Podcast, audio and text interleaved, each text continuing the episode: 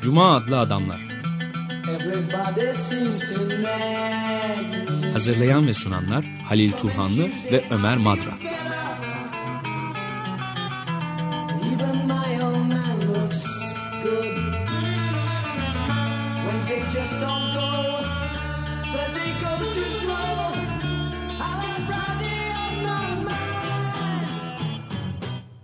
Merhaba Halil, hoş geldin. Teşekkürler. Bir konumuz var bu hafta.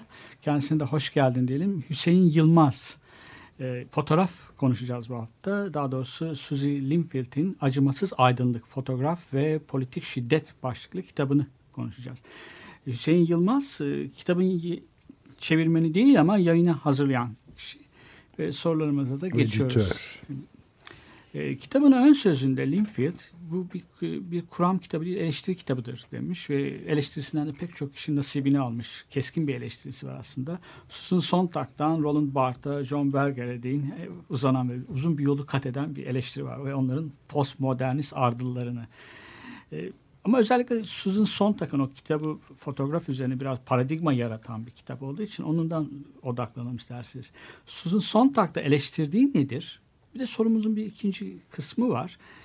Geçmiş programlarımızda biz e, Cuma adlı adamlarda ele almıştık. Sontag'ın başkalarının açılarına bakmak e, kitabı. O kitapta biraz daha farklı bir Sontag var aslında. Yani daha em, ironik tavrını redde, e, terk etmiş ve biraz daha empati alarak. Empati evet, başkalarının Bunu acısı. konuşalım. Buradan başlayalım isterseniz. Ee, aslında e, Susan Sontag eleştirik e, derken Amerika'da gelişen hatta Baudelaire'den bu yana gelişen bir eleştiri geleneğinden bahsediyor. Yani eleştirilerin sadece mantıkla değil, salt düşünceyle değil, buna duygunun da katılarak ya da amatör bir ruhun katılarak da geliştiği bir e, eleştiri geleneğinden bahsediyor. E, ve Suzy Linfield'in asıl eleştirisi burada. Evet bu eleştiri geleneğinde bunlara dikkat edilmiştir. Böyle bir gelenek vardır. Eleştirilere e, Pauline Kael'in dediği gibi amatör bir ruh katılmıştır veya James Egin'in dediği gibi. E, fakat fotoğraf bundan azade olmuştur. Eleştirmenler bu konuda bütün diğer sanat dallarına karşı böyle bir yaklaşım içindeyken neden fotoğrafa karşı bu kadar e, acımasız olmuşlardır? Aslında Suzy Linfield'in burada ortaya koymaya çalıştığı bu. Yani eleştiri derken bunu geri alma iddiası ve isteği içinde. Tabii bunu derken aslında Susan Sontag'ın fotoğraf üzerine eleştirilerini veya fotoğraf üzerine düşüncelerinin hepsinin bir reddediş içinde değil. Ee, tam tersine onaylıyor da. Fakat fotoğraf eleştirmenliğindeki fotoğrafa yönelik kuşkusuzluğu ve güvensizliği geliştir geliştirenin de aslında Susan Sontag olduğunu söylüyor. Ve tabii oradan yola çıkıyor. Tabii Susan Sontag bunları söylerken onun ardıllarının Roland Barthes olsun 1977'de fotoğraf üzerine yayınlanıyor. Daha sonra Kamera Lucy'de 1980'de yayınlanıyor. Ee, onların ardıllarının Susan Sontag'ın bu fotoğrafa karşı olan kuşku ve güvensizliğini bir nefrete dönüştürdüğünü Suzy Linfield söylüyor. Ve bunun aslında patolojik bir durumda olduğunu söylüyor. Ve postmodern eleştirmenlerin belgesel fotoğrafa artık bir düşman gibi baktığını söylüyor. Yani fotoğrafları parçalara ayırmak yerine onlara tepki vermemiz, onlardan bir şeyler öğrenmemiz gerektiğini söylüyor. Burada James Eggie'nin var olanın acımasız aydınlığı diye bir kavramı var. Kullandığı bir şey var. Ee, işte Walker Evans'la Evet. Güney Amerika'da e, cotton tenants dediğimiz işçi pamuk üreten üç aileyi ziyarete gidiyorlar. Fortune dergisi onları gönderiyor. E, Walker Evans bir aslında pansiyonda kalıyor. Fakat James Agee orada üç aile var ve o ailelerle birlikte yaşıyor. Evet. Ve daha sonra yaklaşık 400 sayfalık bir metin oluşturuyor ve son yıllarda bu 90 sayfalık bir metin haline getirilmiş şekilde bulundu. Belki de kitabın çıkış noktası veya kitabın adı da orada oldu, adının da oradan geldiğini düşünüyorum. Ee, bu noktada Suzan Sontag'ın fotoğraf tanımlarına başvuruyor. İşte Suzan Sontag'ın fotoğrafı şahtafatlı, azametli, hain. hatta tecavüz edici bir şey olarak hatta suikast yapan bir şey olarak görmesini eleştiriyor. E, ne bileyim shooting kelimesi mesela vurmak. Evet. İşte fotoğraflayan fotoğraflanan kişinin bir avlanan nesne haline dönüşmesi gibi e, şeyler tanımlarından yola çıkıyor. Yine Roland Barthes'a baktığımızda Roland Barthes da Suzan Sontag'ın bu yaklaşımını aslında onaylıyor. İşte fotoğrafçılar ölüm tellallarıdır. E, düzdür fotoğraflar, yavandır, mantıksızdır diyor. Ve bize hiçbir şey öğretmez diyor. Ve aşırı kurgulu olduğunu söyler. Fotoğrafçıların bize bir şey e, bırakmadığını söyler diyor. Yine John Berger'e geldiğinde John Berger biraz daha fotoğrafa karşı biraz daha insaflı, biraz daha saygı gösteren bir tutumu var. Fakat şiddet fotoğrafları söz konusu olduğunda da John Berger bu şiddet fotoğraflarının bizi bizleri duyarsızlaştırabileceğini söylüyor. Aslında bu, bu noktaya da baktığımızda bunun da biraz altında oyulduğunu söyleyebiliriz.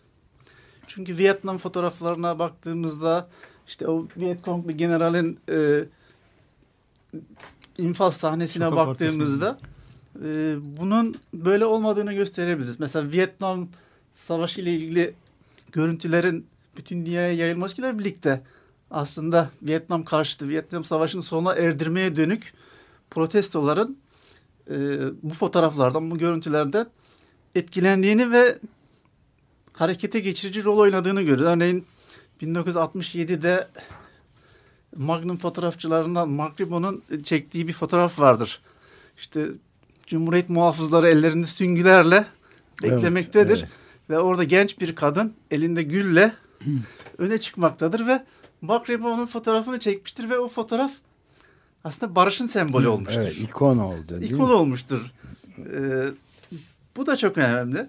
Tabii Sontag'ın ardılları, postmodernist ardılları bu dedik bu e, Suzan Sontag'ın bu fotoğrafa karşı olan kuşkuculuğunu, güvensizliğini daha da ileri götürüyor.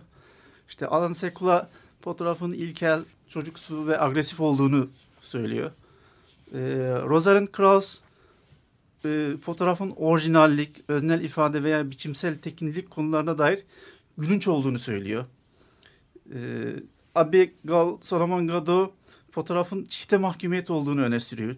Çaresiz izleyicinin önce baskıcı toplumsal kuvvetlere ardından da imgen rejimine maruz kaldığını söylüyor.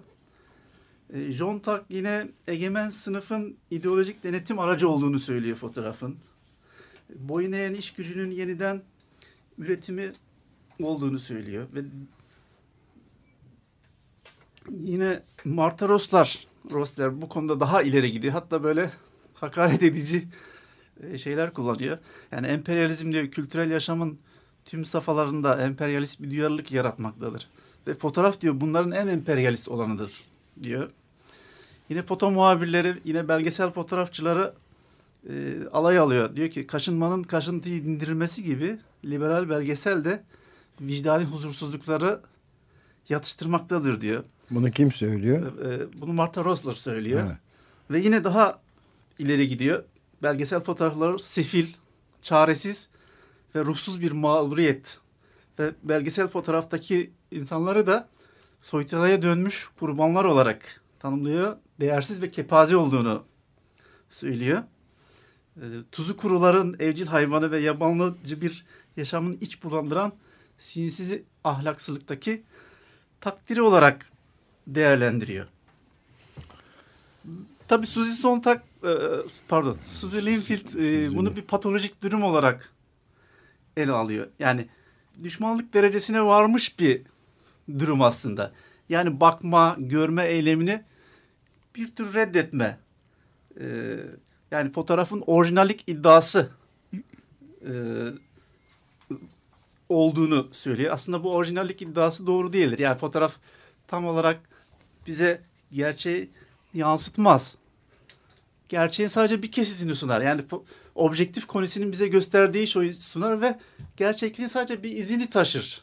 Gerçekliğin tamamını e, göstermez. Aslında postmodernistlerin de saldırdığı nokta bu ve aslında bu doğru değil. Ee, tabii burada şöyle bir şey de var.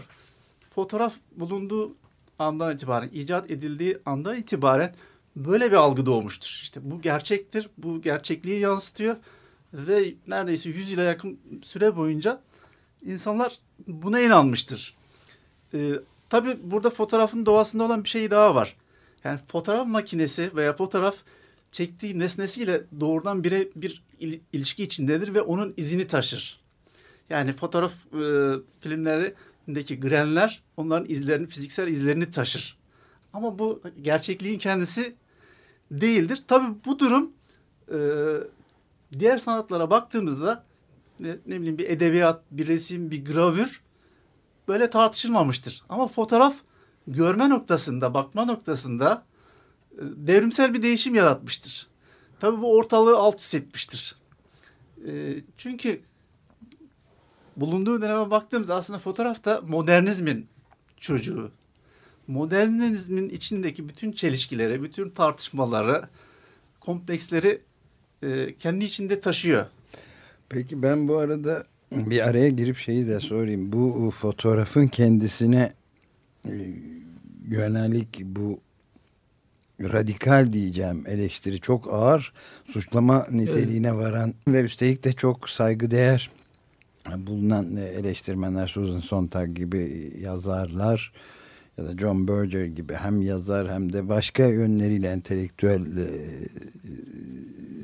seviyeleri çok yüksek e, düşünen insanlar ya da Roland Barthes gibi ne, neden kaynaklanıyor bu fotoğrafa bu neredeyse düşmanca tavır diye bir soru sorabilir miyiz? Sorabilir e, tabii. e, e, yani bu aslında e,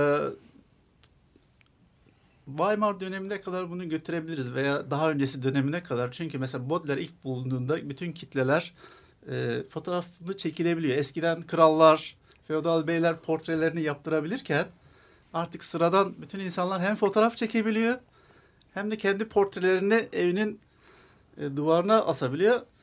Tabii bu rahatsız edici oluyor. Baudelaire eleştirilerinde kitlelerin buna bu kadar yönelmesini kınıyor aslında. E, fakat bunu olumlayan e, felsefeciler de var. İşte Bernard Shaw diyor ki artık bu resimin bütün oynaşmaları, bütün süslü püslü halleri bitmiştir diyor. Ben diyor bir şipşak için diyor İsa'nın bütün resimlerini verebilirim diyor. Daha sonra e, şeye baktığımızda e, Weimar dönemine baktığımızda aslında burada da özellikle Brecht'in e, yine Croucher'in fotoğrafa biraz daha şüpheyle dönük yaklaşımlar var. Mesela Brecht diyor ki biz AEG'nin ya da kurup fotoğraflarına baktığımızda kapitalizmi göremeyiz diyor. Onun süreçlerini bize anlatmaz diyor. Doğru aslında. Yani fotoğraf tek başına anlatmaz. Burada Roland Barthes'ın şöyle bir katkısı var. Yani biz bir fotoğrafa baktığımızda orada bir düz anlam vardır. Yani bir gördüğümüz şeyler vardır. İşte insanlar, araçlar ve benzeri. Ama bir de yan anlamı vardır.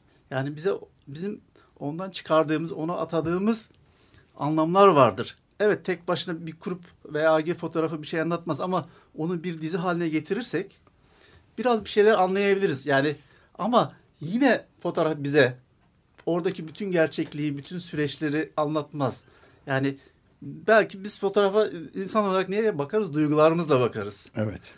Ahlak yaratma, yaratamaz fotoğraf ve fotoğraf bir araç olarak devrim yaratamaz. Ee, tabii Brecht'in bu kuşkuculuğu Suzan Sontag ve onun ardıllarına da sirayet ediyor. Tabii belki daha bir onu biraz daha ileride tartışabiliriz. Modernizm konusu var burada. Yani modernizmin iflası ya da modernist ideallerin çöküşü diyebiliriz. Oradan yola çıkabiliriz. Ee, çünkü modernizm idealleri nedir? İlerlemeye, insan hakları ve benzeri şeylere dayanıyor. Fakat mevcut duruma baktığımızda bu ideallerin gerçekleşmediğini tam tersine sonuçların doğduğunu görüyoruz. E, Bunun kabahati de fotoğraf değil herhalde. İşte burada büyük bir indirgemecilik var. İndirgeme oluyor evet. Biraz yani Ömer Madden'ın da söylediği gibi çok sert eleştiriler. En çok da beni Martha Rosler'a yaptığı eleştiri kaldı. Çünkü Martha Rosler e, kendi çok yazan birisi. Hem fotoğraf sanatçısı olmanın yanı sıra e, özneye yani görüntülediği insanlara çok saygılı. Diana Arbus da bu yüzden eleştiriyor mesela. Çok ucube, sadece insanları ucube olarak gösterdiğini, onların özne olarak sildiğini söylüyor. Ve bir de onun çok meşhur, benim de çok sevdiğim bir fotoğrafı var. Bovary, oradaki alkolik insanları, evsizleri göstermek yerine sadece şişeleri falan gösteren bir şey vardı. İnsanı göster özellikle göstermiyor orada. Ama bunu saygısından ötürü onlara yaptığını söylüyor. Biraz eleştirisi keskinmiş gibi geldi. Çok keskin bir eleştiriyle geliyor. Şimdi demin sizin söylediğiniz aydınlanmanın idealleri dediniz. E, Bu kitap hem bir eleştiri kitabı olduğunu söylüyor hem de tarihteki ilerleme düşüncesine karşı yazılmış bir kitap olduğunu söylüyor. Barbar çünkü e, kendisini etkileyen fotoğraf sanatına olan e, ilgisini doğuran bir kitaptan söz ediyor. Galiba e, toplama kampından mı çekim? Yok, Varşova getosundaki bir resim resimlerden oluşan bir kitaptan bahsediyor. Kütüphanede rastgele çocukluğundan e, almış, babasının kütüphanesinden okuduğu bir kitap. Onu çok etkilemiş. Bu, eleştirisi de bu yüzden zaten. Şimdi buradaki barbarlıktan uzaklaşmadığımızı söylüyor. Hem Benjamin'e Walter Benjamin'in tarih anlayışına yakın bir e, yaklaşımı var. Hem de Adorno'ya. E, ama karamsar ama umutla da bağlarını koparmamış bir karamsarlık var galiba bakışında. Evet, e, ben de bu şeye katılıyorum, bu görüşe katılıyorum. Ama ondan önce bir iki nokta var, onu e, söylemeyi unuttum. Yani e, Bartaros'ların bu kadar sert eleştirileri var. E, yine Victor Virgin'in çok sert eleştirileri var. Bakma eylemini neredeyse bir suç gibi e, görüyor Victor Virgin. İşte röntgencilik, kasvetli bir Sophie'nin seçimi gibi bir şey yani bakıp ve bakmamayla. Aslında e, postmodern eleştirmenler burada işte fotoğrafı bir hapishane, bakma eylemini de bir suç gibi görüyorlar. Röntgencilik. E, röntgencilik görüyorlar, pornografik görüyorlar. Fakat e, benim burada değinmeyi unuttum. E, bazı pratikler var. Yani bütün dünyada fotoğraf pratiğine baktığımızda bütün dünyada fotoğraf pratiği solcuların ve liberallerin elindedir. E, belgesel fotoğraf tarihine baktığımızda e, işte Robert Capa İspanya İç Savaşı'nı fotoğraflamıştır. Ne bileyim e, Susan Meizales Nikaragua'yı fotoğraflamıştır. E, Sebastian Salgado işçileri, e, göçleri, e, Afrika'daki açlığı ve bunun yarattığı sonuçları fotoğraflamıştır. E, yine örneğin Salgado son dönem son yıllarda yaptığı çalışmada Genesis işte bütün mevcut dünyamızın durumu ve gidişatı noktasında işte çevrenin çev- hep birlikte yok ettiğimiz çevreye duyarlılığı e, anlat, e, göstermeye çalışan işte e, şeyler çekmiştir. Amazon ormanlarına gidip oradaki ilkel kabileleri çekmiştir. E, ne bileyim kutuplara gidip oradaki e, hayvanları çekmiştir. Aslında bir anlamda e, küreselleşmenin veya küresel ısınma dediğimiz tırnak içinde şeyin sonuçlarını ve dünyanın nereye gittiğini göstermek istemiştir. Tabi burada mesela Sebastian Salgado'ya özellikle e, bazı suçlamalar var. Mesela Suzan Sontag diyor ki şöhret tarikanı, tarikatının suç ortağı. Hatta kendi ülkesinde çok daha ağır suçlamalara maruz kalıyor Sebastian Salgado. E, Yoksulları estetize ettiğini, güzel gösterdiğini söylüyor. Aslında böyle güzel göstermemesi gerektiği yönünde e, eleştiriler alıyor. Hatta ben orada bir Salgado'nun bir savunması var. Kendisi e, ona cevap veriyor. Aslında diyor ben güzel fotoğraf hiçbir şeydir diyor. Ben diyor orada diyor öyküyü yaşamaya gidiyorum diyor. Yani onlarla birlikte kendini özdeştirerek yaklaşıyor. Şöyle diyor. İnsanlar yoksulların güzel fotoğraflarını çekiyorsun derler bazen. Bunu söyleyen aslında hiçbir şey anlamamıştır. Çünkü ben asla fotoğraf çekmek için gitmem. Ben güzel fotoğraf çekmeye gitmem. Güzel bir fotoğraf nedir ki ayrıca? Hayır. Ben öykümün içinde yaşamak için giderim. Neler olup bittiğini anlamak için, fotoğraflarını çektiğim insanlara yakın olmak için ve başkalarına bir şeyler iletebilecek bilgiler oluşturmak için. Time, Life, Stern dergileri bir öykü fikri verdiklerinde bu onların istediği türden bir öykü olur. Onlar kendi öykülerini yaratıp fotoğrafçıdan gidip çekmesini isterler ya da fotoğrafçının dergiye sunacağı bir olayı anlatan öyküsü vardır. İşte bu öyküdür. Belgesel fotoğrafçılıkta ise durum farklıdır. Fotoğrafçının büyük bir kaygısı vardır. Fotoğrafını çekmek istediğimiz konuyla ideolojik yakınlığımızın olması gerekir. Eğer olmazsa uzun süre içten ve empatik kalamazsınız. Kendinizi konu ile özdeşleştirmeniz gerekir, gerekmektedir. Fotoğrafçı bir kez durumla karşı karşıya gelince daha önceden düşündüğü her şey değişir. Tabii bir de Salgado da şunu diyor. Siz fotoğraf çekerken diyor bütün ideolojinizle çekersiniz diyor. Ee, mesela e, Robert Pledge'in Contact Press Images'in kurucusu ve ortada şöyle bir anısı var. 1974'te diyor Salgado 29 yaşındayken geldi ve bana diyor yarım saat bir kahve içtik diyor. Bana düşüncelerini anlattı diyor. Ve oradan o kahve içtikten sonra diyor ben onun oradan bir dev olarak çıkacağını anladım diyor. Çünkü diyor nereye gideceğini biliyordu. Ne yapacağını biliyordu. Çünkü e, Salgado Marksist bir ekonomisttir. Ekonomi okumuştur. Ve ayrıca babası Brezilya'nın en büyük toprak ağlarından biridir. Aslında e, nereye gideceğini, ne yapacağını çok iyi bilmektedir. Yani bir arka planı vardır. E, ve uzun yıllar işte sınır tanımayan doktorlar örgütüyle, insan hakları örgütüyle birlikte çalışmıştır. Fotoğraftan elde ettiği bütün geliri yoksulların, ezilenlerin e, yaşamlarını daha iyi hale getirmek için kullanmıştır. Şimdi bu noktada baktığımızda e, bu kadar ağır eleştiriler karşısında e, bunun aslında büyük bir indirgemecilik olduğunu görüyoruz. Sadece Salgado değil. Birçok fotoğrafçı bu noktada hayatını kaybetmiştir. Hayatını riske etmiştir. İnsanın en değerli şeyi nedir? Kendi hayatıdır. Hatta Robert Capa da öyle Evet. kaybetmiştir. Yani. bir şey. Rorty'nin şeyi, edebiyatın, romanların bizde başkalarına karşı acıma duygusu uyandırdığını söyler. Ve ön, ben bir örnek pek çok örnek veririm. Örnekler arasında hemen akla gelen e, George Orwell'dır. Şimdi burada e, Suzy Linfield bir bakıma edebiyat için söylediklerini mi söylüyor? E, yani fotoğrafçının da bir George Orwell gibi mi olmasını istiyor? Çünkü Orwell için şöyle de söylenir. İyi bir yazar değildi ama bugün içinde okunuyor olmasının nedeni hep e, duyguyla yazmış olmasından ötürü olduğu söylenir. Yani duygusunu, yüreğini ortaya koyarak o ezilen insanlara, acı çeken insanlara hep duyguyla yaklaştığı için e, kalıcı olduğu söylenir. Böyle bir fotoğrafçı mı istiyor şey Linfield'de? Lin, Evet aslında böyle bir fotoğrafçı istiyor. Kesin kes böyle. George Orwell'a e, benzeyen e, fotoğraf. George Orwell'a benzeyen. Bize acıların içine bakmamız gerektiğini anlatan fotoğrafçılara e, ihtiyaç olduğunu söylüyor. İşte 1955'te e, Magnum fotoğrafçılarından e, Ingemon diye soruyorlar. Fotoğraf jurnalist nedir? O diyor ki fotojurnalist bir muhabir, bir yorumcu, bazen bir şairin bileşimidir. Yani bir yerin, bir olayın, e, bir e, olayın ruhunu, atmosferini kaydetmek için fotoğraf makinesiyle çalışan biridir. Yani Eve Arnold yine diyor ki fotoğrafçı fotoğraf makinesi aracı değildir diyor. Fotoğrafçı aracıdır diyor. Çünkü gördüğü şeyi, tanık olduğu şeyi aktarma sorumluluğundadır. Ee, bu noktada baktığımızda e, işte Nabokov'dur, Orwell'dir, Dickens'tir. Hep şunu düşünürüm. Mesela siz onu söylediniz. Dickens'ın o sefalet sahneleri mi İngiltere'deki işçi sınıfının durumunu daha iyi anlatır?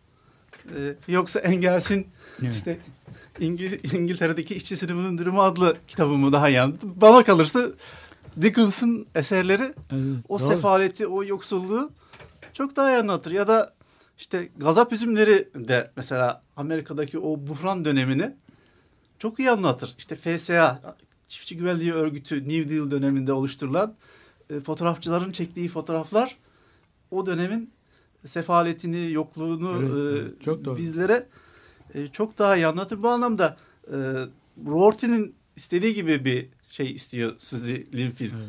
Tabii burada Evet yani sanatın bu alandaki üstünlüğü herhangi bir sanat ya da edebiyat dalının e, herhalde kolay kolay tartışılmaya açılmayacak kadar ortada bir şey yani elbette en önde giden ve dünyayı değiştirme değişen dünyayı daha doğrusu yansıtabilme şeyi sanatçıların daha çok öncülüğünde gelişen bir şey diye düşünüyorum ben de.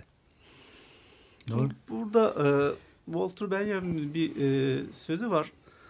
E, aslında belki biraz fotoğrafın da e, bu kadar geç kabul görmesinin nedenlerinden biri e, olduğunu bize açıklıyor. E, yani fotoğrafın e, sanat olup olmadığına diyor çok uzun süre diyor kafa yoruldu. İşte fotoğraf nedir? E, doğduğundan itibaren hep bu tartışıldı.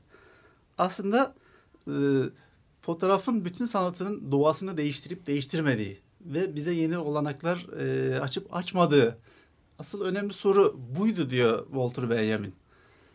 E, ki zaten bu tartışmalardan bağımsız olarak fotoğraf o kadar büyük bir hızla yayılıp hayatın her alanda o kadar sızmış ki e, zaten bu tartışmaları hani e, silip bir kenara atmıştır. E, biraz önceki sorunuza döneceğim. Biraz geç kaldı. E, şey oldu, uzadı. E, Walter Benjamin ve Adorno'daki e, rastladığımız karamsarlıkta bir tür karamsarlık mı? Ama umuttan kopmamış bir e, karamsarlık mı? Sorusuna cevap vermek istiyorum.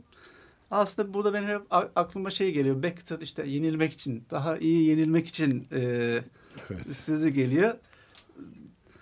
Tabii buraya baktığımızda e, yine modernizme e, dönüyoruz. Burada işte e, Adorno'nun bir sözü var. Aydınlanmanın diyalektiğinden sanırım. Diyor ki vahşetten ins- insanca bir hayata giden bir tarih yoktur. Ama diyor sapandan işte atom bombasına megatona e, giden bir tarih var. Yani aslında ilerlemeci dediğimiz tarih e, bunu yaratmıştır. Yani acı yaratmıştır. E, özgürlüğe ve adalete yönelmemiştir. Söylendiği gibi ve zaten o e, e, aydınlanmanın diyalektiğinde e, şeyi söyler e, ya da şeyi çıkarabiliriz. İşte Hegel'in e, diyalektiği devlete gider, devlette biter. Marx'ın diyalektiği komünizmde son bulur. Ama Adorno'daki ve Horkheimer'daki diyalektik daha farklıdır. Horkheimer bunu işte açık uçlu diyalektik olarak nitelendirirken e, şeyde e, Adorno'da bu negatif bir diyalektiktir.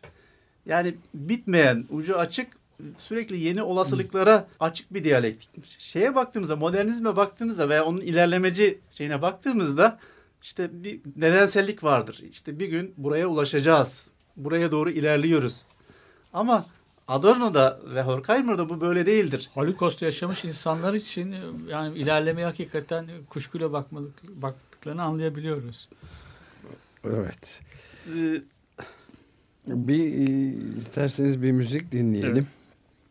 Ee, ve ondan sonra da devam edelim. Hüseyin Yılmaz konuğumuz, editör ve Acımasız Aydınlık adlı kitabın e, bu Espas yayınları böyle mi okunuyor? Espas. E Espas yayınları dan yeni yayımlanmış İngilizceden de Mehmet Emir Uslu tarafından Türkçe'ye aktarılmış Suzy Linfield'ın Acımasız Aydınlık Fotoğraf ve Politik Şiddet adlı kitabının üzerinden çık- çıkarak genel olarak fotoğraf ve fotoğraf sanatı üzerinde eleştirileri ve diğer görüşleri değerlendiriyoruz. Edit kitabın editörlerinden Hüseyin Yılmaz'la birlikteyiz. Şimdi bir ara verirken e, bir Bob Dylan bestesi olan As I Went Out One Morning adlı şarkıyı Dirty Projectors'dan dinleyelim.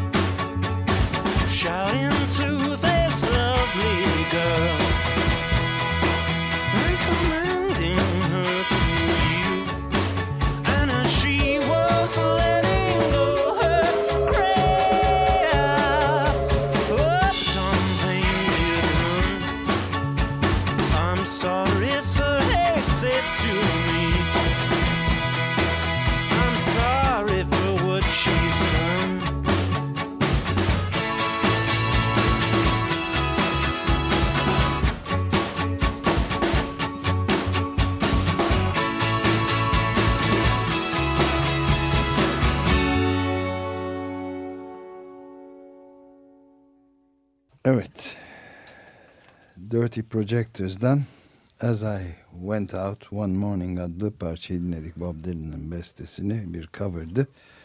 Cuma adlı Adamlar programında Hüseyin Yılmaz editör ve fotoğrafçı. Ee, onunla beraberiz ve Suzy Linfield'ın Espas yayınlarından yayımlanmış Acımasız Aydınlık alt başlığı fotoğraf ve politik şiddet olan kitabı üzerinden kalkarak genel sorunları konuşuyoruz. Sanatın rolü, post, fotoğrafın işlevi ve modern, postmodern yaklaşımlar üzerine kitabın çevirisi de Mehmet Emir Uslu tarafından yapılmış ilginç bir kitap. Ben aslında kitabın kendisine ilişkin de bir, bir, bir şey sormak istiyorum. Yani son derece teorik ve yani pek çok yönü üzerinde e, duruyor fotoğraf sanatının çeşitli eleştiriler ve karşı eleştirileri içeriyor anladığım kadarıyla. Fakat e, seçilen e, fotoğraflar filan da çok çarpıcı özellikle mesela kapağa alınan bir küçük Kamboçyalı Kız- İnfaz edilmiş. imha edilmiş biri. Ve edilmeden önce fotoğrafı fotoğrafı çekilmiş küçük bir kız. İsmi, cismi belli değil, kimliği belli değil. Bunun gibi çok çarpıcı fotoğrafları da içeren e, mesela şeyde e, kitabın girişinde de bir epigraf olarak yazılmış olan alıntı da çok e, çarpıcı yani. E, bir iki Polonyalı Auschwitz mahkumu 1944'te savaş bit, biterken yok olmak üzere yok edilen Yahudiler arasında Polonya direnişine sızdırılan bir mektuptan bir alıntı var. Acil fotoğraf çekme imkanımız var. En kısa sürede yeni film gönderin diyerek zaten fotoğrafın ne kadar önemli bir mücadele aracı da olabileceğini ta içinden olayın en yeryüzünün belki de en korkunç mücadelelerinden birinin içinden gelen bir epigrafla şey yapmış. Yani fotoğrafın önemini azımsamak mümkün değil herhalde. Yani. Aslında e, o Auschwitz'te çekilen dört tane direnişçilerin çektiği fotoğraf e, vardır. E, Şok Fotos adıyla da bu e, sergilen daha ve bir Evet. tartışmalara yol açmış. İşte bütün kıyafetleri e, çıkarılmış kadınlar koşmaktadır bunların e, birinde. Aslında Auschwitz'te e, yaşayanlar bütün bu vahşetin e, belgelenmesini istiyorlardı. Yani buradaki o sizin okuduğunuz alıntı e, bunu çok iyi anlatıyor. Çünkü orada e, yaşayacaklarını, yok olacaklarını bilmektedirler ve geride kalan insanların da bunu bilmesini istemektedirler. E, hem bunu fotoğrafla hem yazılarıyla hem dışarı ulaştırdıkları Evet. belgelerle ve fotoğraflarla Tanıklık, bir kanıt kalsın ve mücadelenin de bir parçası olsun diye başka ne amacı olabilir? bunun? Travmatik bir deneyimin de belgeleri Evet, aslında. evet. Kayıtları. Çok acayip yani. Ve Adorno bu ıstırabın sürekli hakikate ulaşmak için bu ıstırabın sürekli dillendirilmesi e, e, gerektiğini Evet. söyler. Peki bir soru daha sorayım. Ee, ızdırap fotoğraflarına bakmak, e, onlardan etkilenmek biraz da Levinas'ın bu insan yüzüyle, ötekinin yüzüyle karşılaşmak e, anlayışını bize çağrıştırıyor. E, Yani ötekinin yüzüyle gördüğümüzde bir sorumluluk çağrısında bulunur bize. Fotoğraflar da böyle bir sorumluluk çağrısında bulunuyorlar ya da Linfield böyle bir çağrıda bulunacak gücü taşımalarını mı istiyor fotoğrafların? Ee, hem çağrıda bulunuyor hem de böyle bir gücün olmasını istiyor. İşte başta da belirttiğimiz gibi James Hagen'in acımasız aydının içine bakmalıyız ve onun içinde e, olmalıyız diyor. Tabii bunu e, derken e, Rorty'den bir alıntı yapıyor. E, işte hani neden e, soruyor Rorty'ye Rorty soruyor e, neden başkasına empati duymalıyız diye bir soru soruyor ve Rorty şöyle cevap veriyor. Çünkü diyor onun da annesi var diyor. Ve benim aklıma hep burada şey geliyor şunu çağrıştırıyor işte e, barış tartışılırken ülkemizde Kürtlerin çok temelli bir sorunu dile getirilirken hep annelerin acısını dindirme. Çünkü annelik duygusu veya anneliğin doğasından gelen e, şey annelerin bu konuyu daha iyi anlayabildiği ve çözümleyebildiği e, görebilme gücü olduğunu e, gösteriyor. Bu noktada işte o biz olabilme e, duygusunu e, güçlendirebileceğini söylüyor. Tabi e, ıstırap fotoğraflarına bakmak e, biraz zor. Bu konuda hepimizin tek tek bireylerin sınırları var. E, hepimiz bu ıstırap fotoğraflarına e, bakamayabiliriz. E, bu konuda e, benim yaşadığım bir örnek var. Onu e, ben anlatmak istiyorum. Bir fotoğraf festivalinde e, bir arkadaşımız Irak, e, Suriye'de pardon, e, bu El-Kaidecilerin yaptığı bir infaz e, sahnesine e, rastlıyor. Önce e, çektirmek istemiyorlar. Daha sonra çekmesine izin veriyorlar. İşte orada e, orta çağ andıran elbiseler giymiş e, militanlar, El-Kaide militanları ya da onun taraftarı militanları işte kılıçla e, o infazı gerçekleştiriyorlar ve ortalık kan seline dönüyor ve o koparttıkları kurbanın koparttıkları kafasını takarak dolaştırıyorlar ve e, zafer e, naraları atıyorlar. E, hem bunun da videosunu da çekebilmişti. Tabii dijital teknolojiyle bu mümkün. Ve çalıştığı gazete bu fotoğrafları yayınlamak istememişti. Ve bundan dolayı o arkadaşımız Emin Özmen çalıştığı gazeteden ayrıldı ve bunu işte ne bileyim Paris Match veya işte e, Amerika'daki gazetelerde yayınlayıldı. Şimdi biz bize de o fotoğrafları göstermeden önce uyardı. Arkadaşlar hani bunu görmeye dayanamayabilirsiniz. Böyle olacağını düşünenler varsa çıksın dedi. Tabii bir kısmı çıktı. Fakat fotoğrafları izlerken salonun yarısı Çıktı. çıktı. Çünkü tam bir vahşet ve kan yani deryası. Bu noktada hani e, tabii bunu göstermeyen gazetenin de şeyini sorgulamak gerekiyor. Niye? Çünkü orada o eylemi yapanlar, o infazı yapanlar onlara düşünsel veya ideolojik bir yakınlık olduğundan dolayı onu göstermek istemiyor. Yani kendisine yakın olanın şiddetini göstermeme gibi bir durum ortaya çıkıyor. Bunu e, çeken de üstelik bir kadın öyle mi? Yok, o erkek, Ha, e, erkek. Suriye'de. Evet.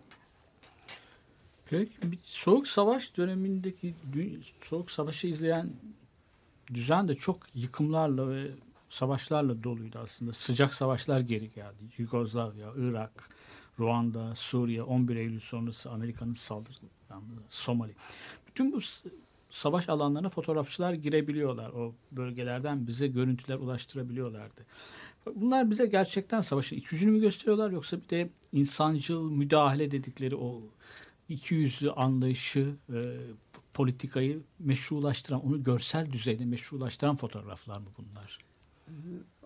Aslında e, e, fotoğraf Amerika Birleşik Devletleri ve batılı ülkelerin güçleri müdahalesini meşrulaştırıyorlar mı? Hatta bazen fotoğrafçılar bunu istemeyerek de meşrulaştırabilirler. Yani oradaki e, savaş alanındaki görüntüleri estetize ederek yapabilirler. Hangi etkiyi uyandırıyor genelde? aslında ikisi de var. Çünkü e, savaşların kaynağı veya e, savaşları e, biz neyle açıklıyoruz? Ekonomik, sosyal koşullar ve çeşitli güçlerin oradaki güç mücadelesinin sonucu ortaya çıkan olgular, savaşlar. e, tamam doğru fotoğrafçı bize e, göstermenin etiğinden sorumlu. Fakat bu bazen fotoğraf çoğu zaman hatta çoğu zaman fotoğrafçının e, denetiminden çıkabilen bir durum. Evet fotoğrafçı onu çekiyor. Onu çeşitli çalıştığı ajanslara veya çeşitli kurumlara veya çeşitli televizyonlara veriyor. Fakat o orada bir takım süzgeçlerden geçiyor, filtrelerden geçiyor ve kamuoyuna öyle sunulabiliyor. Ee, burada tabii devletler de bunu kullanıyor Ee, ve kullanmak da istiyor. Çünkü daha büyük bir sistem var. Ee, onların hedefleri var Ee, ve onların hedeflerine ulaş, ulaşma yolları var. Bunlardan biri de fotoğraf. Ama biz insanlar olarak fotoğraflara baktığımızda daha çok duygularımızla bakıyoruz. Yani fotoğraflar bize orada yaşanan süreçleri veya o oradaki olayların ortaya çıkış sebeplerini çok fazla anlatamıyor. Veya biz işte o yan anlam dediğimiz fotoğrafın görüyoruz ama içindeki anlam dediğimiz e, şeye biz kendimiz ulaşabiliriz. Ve fotoğraf bizi etkileyebilir, bizi belki harekete geçebilir, bazı yargılarımızı güçlendirebilir veya bazı yargılarımızdan vazgeçmemize e, neden olabilir. Bu anlamda e, büyük devletler e, şiddeti meşrulaştırmak için fotoğrafı kullanıyorlar ve kullanmak istiyorlar, manipüle ediyorlar. E, bunun mesela ben e, bir örneğini e, şey yapmak istiyorum. Belki biraz daha farklı bir örnek. İşte elimde bir e, kitap var. E, Kaybolan Komiserler diye. E, Sovyet devriminden sonra e, Lenin önümüyle birlikte işte daha çok Stalin bildiğimiz gibi Stalin dönemi başlıyor. E, İngiliz fotoğrafçı David e, King 1997'de bu kitabı yayınlıyor. E, e, baktığımızda işte çeşitli fotoğraflar var. E, Stalin, Lenin, işte devrimin diğer önde gelenleri hep birlikte çekildikleri fotoğraflar var. Fakat e, David King işte Rusya'ya geliş gidişlerinde şunu fark ediyor. Fotoğraflardan hep birileri eksiliyor. Birileri yok oluyor. Yaklaşık 20 yıl boyunca gidip geliyor ve 250 bine yakın fotoğraf biriktiriyor, tarıyor. Ee, Gorbaçov döneminden sonra da bakıyor. İşte baktığımızda önce 4 kişi, daha sonra 3 oluyor, sonra 2 oluyor. En son Stalin kalıyor. Tek başına. Veya Lenin bir yerde söylev veriyor. Bir ahşap e, e, sütunda. Yanında Troçki ve Kamenev var. Ama daha sonra bakıyoruz ki Troçki ve Kamenev yok olmuş. Buharlaşmışlar. Ee, ya burada aslında çok korkunç bir şey var. Bir tarih var. O tarih içinde birlikte yaşayan insanlar var. Bu ve o insanlar kayboluyorlar, ortadan kayboluyorlar ve ondan daha sonra görüntüleri de kayboluyor. Yani 1984'teki e, George Orwell'in dediği durum neredeyse birebir e, yaşanıyor. Yani bir yeni bir gerçeklik oluşturuluyor. Evet, Milan Kundera da bunu çok e, ayrıntılı bir şekilde romanlarında ele alıyor. Yani yanılmıyorsam Gülüşün ve Unutuşun kitabında e, aynı şeyin e, Çek, Çekoslovakya'da Komünist Parti yönetiminde de hatta bir fotoğrafta silinmesi unutulan bir elin bir omuzda kaldığı gibi de bir durumdan da bahsediyor öyle. Ya Çok önemli bir şey bu. Ben bir de buna bağlı olarak bir şey sormak istiyorum izin verirseniz. Ee, yani Chris Hedges bu şeyin e, aydınların e, durumunu ele alan Liberal Sınıfın Ölümü adlı kitabında yanılmıyorsam şöyle bir şey yazmıştı. Ee, savaşı e, fotoğraflarını genellikle ger- pek çok savaşın içinde bulunmuş bir e, savaş muhabiri ya, yıllar yılı bütün kıtalarda bulunmuş biri olarak söylüyor Hedges.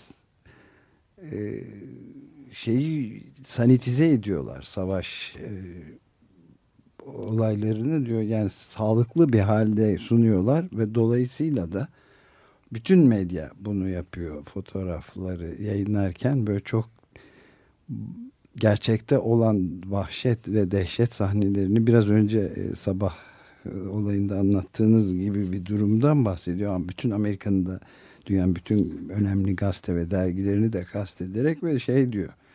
O zaman da tabii savaşa rahatlıkla kolaylıkla insanları kahramanlık hikayeleriyle işte e, hamasi duyguyla vatanperverlikle rahatla gön rahatlıkla gönderebilecek ortamı da yaratmış oluyorlar. Aslında bunlar gösterilebiliyor olsa inanılmaz şeyler yaşanmıştır diyor çünkü. yaşanmaktadır savaşta. O zaman insanlar kolay gitmeyecek diyor. Böyle bir rolü var diyor. Medyayı eleştiriyor ve fotoğrafçıları değil tabii. Şöyle bir şey de var. Ee, işte biz büyük devletlerin e, bunu kullandığını, kendi şiddetlerini meşrulaştırmak için kullandığını söyledik. Aslında diğer tarafta da bundan mağdur olanlar, e, buna karşı olanlar ya da mağdur olduğunu düşünenlerin e, fotoğrafı veya bu görüntüleri nasıl kullandığı sorunu var. E, özellikle mesela El-Kaide veya benzeri türdeki örgütlere baktığımızda işte çeşitli insanları infaz ederken bunların videolarını çekiyorlar. Bunları paylaşıma sokuyorlar e, internet ortamında E, ve bir reklam e, gibi bunu kullanıyorlar. Aslında bir yerde de şunu da diyorlar. E, yani bakın siz de bunun gibi olabilirsiniz. Bize karşı durmayın. Bizim gibi düşünmeyenlerin sonu budur diye demek istiyorlar bence. Evet. Evet, evet. O da, o da doğru ayrı bir şey tabii. Robert Capa gibi foto muhabirleri bizlere hem insanların acılarını, çektikleri ızdırapları gösterdiler hem de e, Linfield'in dediği gibi daha iyi bir dünyayı da düşlememizi de sağlıyorlar. E, iç karartıcı olan içerisinde bir ışık yakıyorlar bize. Umut ışığı. Umutla bağlarını koparmamış karamsarlık dediğimiz o tarih anlayışını belki imgelerle bize yansıtıyorlar, iletiyorlar. Peki bunu nasıl başarıyorlar? Nasıl yakıyorlar bu ışığı? Bu diğer foto muhabirleri ne kıyasla nasıl öne geçiyorlar bunu yapmada? E, Aslında Başarıların biraz sırrı e? Robert Capa'yı biraz tarih gelişimini anlatmak e, gerekiyor. E, Robert Capa bir e, Macar Yahudisi. E, aslında Birinci Dünya Savaşı'ndan sonra Avusturya Macaristan İmparatorluğu dağılıyor. Ve Macaristan e, o paylaşımda en yoksul durumda kalan oluyor. Çekoslovakya ekonomi fabrikaların çoğu Çekoslovakya'da olduğu için orada ciddi göç olayları da yaşanıyor. Tabii bu e, arada orada o, o, e, Avrupa'da Avusturya Macaristan İmparatorluğu'nda ailelerin çocuklarına fotoğraf makinesi alma geleneği var. E, yine zenginleşen ikinci, üçüncü kuşakta zenginleşen Yahudi aileler bunu e, Stefan Zweig anlatır. E, çocuklarından birini hep sanata, bilime Evet. e, ve benzeri şeye e, yönlendiriyorlar. E, Robert Capa da e, Macaristan'da faşizan bir rejim gelişiyor. Hort rejimi. Buna karşı olan bir grup içinde yer alıyor. E, ve daha sonra tutuklanma durumu oluyor. Serbest bırakılması koşulu da ülkeyi terk etmesine dayanıyor. Ve yoğun bir göç var bu dönemde. Yani fotojurnalist e, geleneğin yaratıcılarına baktığımızda işte Erik Salaman'dır, Felix Mann'dır, Kertes'tir, Brassai'dir. Bunlar hepsi Macar Yahudisidir. Ve Evet. çoğu Weimar Almanya'sına gidiyor. Evet. Doktor e, Doktor Salomon daha sonra e, Nazi kamplarında hayatını kaybediyor. Fotojurnalizmin ilkelerini, temellerini o atıyor. Yine Simon Gutman yine o da Yahudidir. Depot Ajansı'nın e, kurucusu ve sahibidir. Bütün bu fotoğrafçıları o istihdam ediyor ve fotojurnalizmin Almanya'da gelişmesi buna dayanıyor ve daha sonra Hitler rejiminin e, bunların çalışmasını yasaklaması ve hayat hakkı tanımamasıyla birlikte İngiltere'ye gidiyorlar. İngiltere'den Amerika'ya gidip Black Star ajansını kuruyorlar. Oradan Life'a gidiyorlar. Yani bu fotojurnalist geleneğin gelişmesinde e, bu Birinci Dünya Savaşı sonucu gelişen o mobilizenin geliştirdiği bir şey var. Bu anlamda da Yahudilerin e, fotojurnalizmin gelişmesinde çok önemli bir rolü var. E, Robert Capa asıl adı Andre Friedman'dır e, bu arada. E, sevgilisi ve iş ortağı Gerta Taro işlerini daha iyi pazarlayabilmesi için böyle daha hoş, kulağa rahat kullanılması, e, daha kolay bir isim tasarlıyor ve Robert Capa da bunu benimsiyor ve bu da tutuyor. E, ve antifaşisttir yani Robert Capa. Evet. Evet Ee, tabii belirgin şekilde İspanya İç Savaşı'nda filan çektiği fotoğraflarda. Ülkesinde daha bu 19 yaşındayken Evet, evet. öyle. Daha sonra Weimar Almanya'sına gidiyor. Weimar Almanya'sında daha çok çöküş döneminde 35 döne, 1935'te bulunuyor ve Simon Gutman verdiği ilk işlerden bir Troşki'nin katıldığı bir toplantıyı fotoğraflamak oluyor. Ve daha sonra yine Walter Benjamin'in gittiği kahvelere gidiyor. Oradaki o atmosfer e, kapayı çok etkiliyor. Evet. e, bir iki dakikamız kalmışken Peki. toparlayalım Hüseyin Yılmaz'a ne soruyoruz? Bir şey daha sorayım hemen kısaca. Bunlar altın çağında e, Linfield'in deyişiyle foto, kapa gibi fotoğrafçılar 30'larla 50'ler arasında. Günümüzdeki televizyon nasıl iletiyor bize savaşları? Bir seyirlik olarak mı iletiyor? Geçmişin o büyük e, sorumluluk alan foto muhabirlerinden farklı olarak. Aradaki fark nedir? E, o dönemde televizyon yok. Evet. E, radyo var, fotoğraf var ve insanlar e, dergi okumak, dergilerde ve gazetelerde fotoğraflara bakmak bir ayrıcalık ve insanlar bunu talep ediyorlar. İşte Leica ve Erman Aksu'nun çıkması ve kullanım kolaylığı da bunu teşvik ediyor. E, böyle bir durum var. E, diğer bir nokta ise Kapa insani olanı ya da Kapa gibi fotoğrafçılar savaş içinde e, Parçalanmış bedenler yok mesela kapıda. Savaşın dehşetini gösterirken bize şiddeti göstermiyor. aslında biz savaşı güçlerin çatışması kanlı şeyler Evet. olarak görürüz. Ama Kapa'nın fotoğraflarına baktığımızda özellikle İspanya İç Savaşı'nda savaş cephesinin gerisinde olan günlük yaşam içinde insani olan ne bileyim bir moda dergisine bakan bir cumhuriyetçi kadın görebiliriz veya Evet. dans eden cumhuriyetçiler orada bir coşku bir şey vardır. Aslında burada Etik Kapa- kaygılar var galiba. Kapa savaşın yanlışlığını gösteriyor özünde. Evet. Ee, ve kardeşi Cornel Kapa e, şey yaparken onun anısına bir konuşmasında diyor ki Kapa diyor savaş fotoğrafçısı değildir diyor. Kapa barışın fotoğrafçısıdır. Evet. Ee, günümüze baktığımızda ise günümüzde daha farklı. Televizyonun gelişmesiyle biraz da işte te- daha çok soğuk savaş aygıtı olarak algılanması da Evet. durumu var. Televizyon biz televizyon izlemeye otururken bir beklentiyle otururuz. Ya kötü bir haberler gelecektir. Onu biliriz, onu bekleriz ve sürekli bir akış vardır. E, reklamlar vardır. Bizim düşünmemize çok izin vermez. Evet. Ama biz fotoğrafa baktığımızda onun o çıplak gerçekliğiyle karşı karşıya kalırız ve o bizde kalıcı etki yaratır. Fotoğrafın gücü de buradan geliyor. Yani bir e, edebiyatın başka bir sanat dalının anlatmakta zorlandığı bir şeyi e, bir fotoğraf anlatabiliyor. Evet. e, Hüseyin Yılmaz çok teşekkür ederiz. Çok teşekkürler. Ben Bugün teşekkür ederim. E, Acımasız Aydınlık adlı kitaptan kalkarak fotoğraf sanatının etkileri üzerine sohbet ettik. Suzy Linfield'ın kitabıydı. Fotoğraf ve politik şiddet Kitap çok alt da hacimli bir kitap. Hepsini konuşamadık. konuşamadık. Evet. evet. Fotoğrafçıları da dikkat şey yapıyor. Espas yayınlarından Mehmet Emir Uslu'nun çevirdiği Suzy Linfield'ın Acımasız Aydınlık kitabıyla e, üzerinden Şu fotoğrafçılık kitap konuştuk. da çok Hüseyin Yılmaz'la. önemli. E, Friedrich'in e, dijital dönemde fotoğrafı nasıl barışçıl kullanabileceğimiz üzerinde e, tartışıyor. Yeni bir kitabı daha çıktı. Foto, Fred Rich'inin Evet. öyle mi? Onu da Bending the Frame e, fo- Photojournalism and Citizenship diye yeni yayınlandı. E, dijital fotoğrafın ilk çıktığı dönemlerden itibaren yazan ve hani neredeyse bütün öngörüleri doğrulanan bir insan. Peki e, bitirirken şeyi de söyleyelim. E, Psychic TV'den e, dinleyelim bir Neil Young bestesi Only Love Can Break Your Heart. Hepinize günaydın.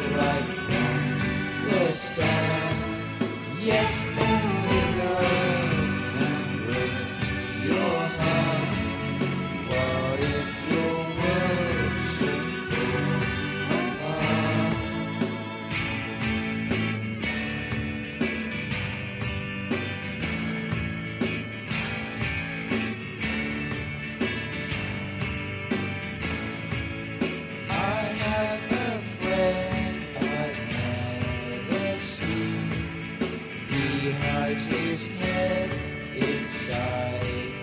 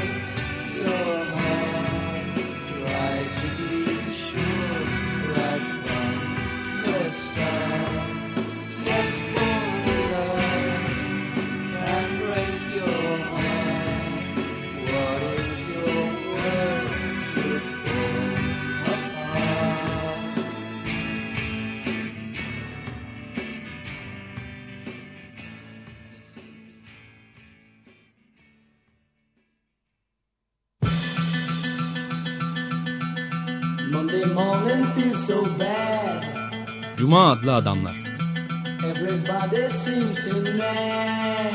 Hazırlayan ve sunanlar Halil Turhanlı ve Ömer Madra.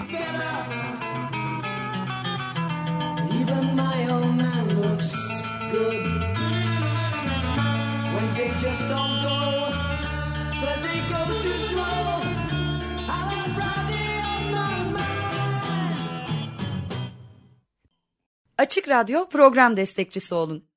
Bir veya daha fazla programa destek olmak için 212 alan koduyla 343 41 41